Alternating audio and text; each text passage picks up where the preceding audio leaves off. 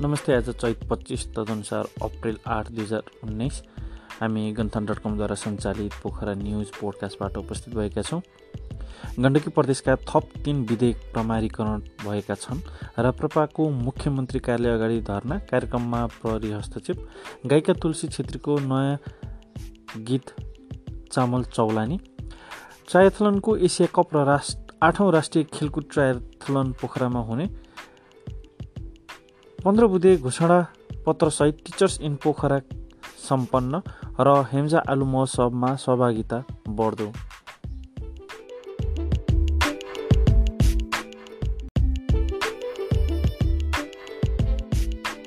राष्ट्रिय शिक्षक शिव विकास फाउन्डेसन कास्कीको आयोजना तथा कर्म फ्लाइट्स फाउन्डेसन कास्की र भास्कर मेमोरियल स्कुलको सहआयोजनामा भएको शिक्षक तालिम तथा कार्यशाला गोष्ठी टिचर्स इन पोखरा पन्ध्रौँ पन्ध्र बुधे घोषणापत्र सार्वजनिक गर्दै सम्पन्न भएको छ।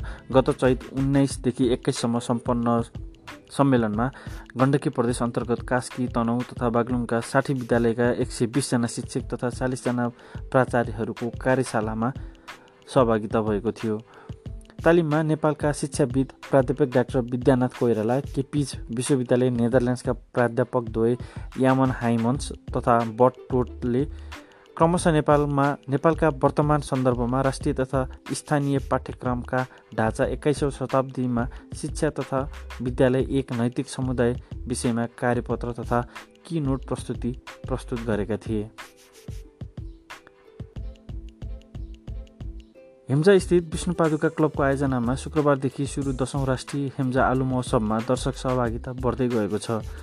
महोत्सव मध्यतिर आइरहँदा दर्शक सहभागिता बढ्दै गएको हो। सुरुका दुई दिन मौसम प्रतिकूलताका कारण दर्शक सङ्ख्यामा कमी आए पनि आइतबार भने दर्शकको सहभागिता बाक्लो देखिन्थ्यो।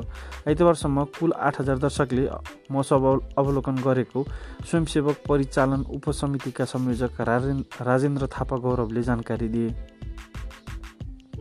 महोत्सवलाई आइतबार सम्बोधन गर्दै प्रमुख अतिथि प्रधानमन्त्री कृषि आधुनिकरण परियोजनाका परियोजना सुपरजोन तरकारी बालिकास्केका वरिष्ठ कृषि अधिकृत वसन्त कुमार श्रेष्ठले हेम्जा आलु गाउँले परिचित आलु गाउँले परिचित रहेको चर्चा गर्दै आलुमा हुने विभिन्न सङ्क्रमण रोक्नका लागि हेम्जावासीले दुई चार वर्षको अन्तरालमा आलुको जात परिवर्तन गर्नुपर्नेमा जोड दिए।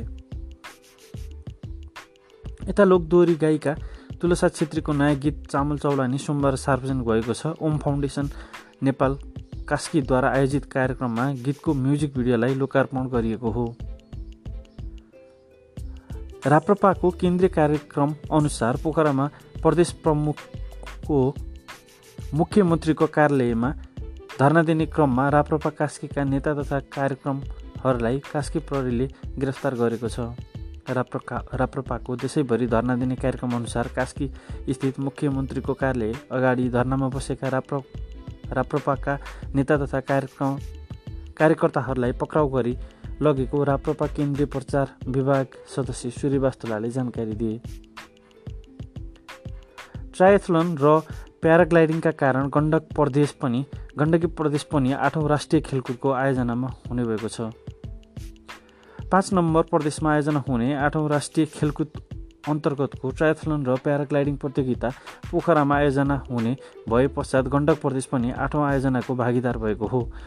पूर्वाञ्चलमा आयोजना भएको सातौँ प्रतियोगिताको अन्तिम दिन आठौँ राष्ट्रिय खेलकुद आयोजना हुने स्थलको रूपमा तत्कालीन पश्चिमाञ्चल क्षेत्रले दावेदारी प्रस्तुत गरे तापनि अन्तमा मध्य पश्चिमाञ्चलले प्रतियोगिता आयोजना गर्ने अवसर प्राप्त गरेको थियो।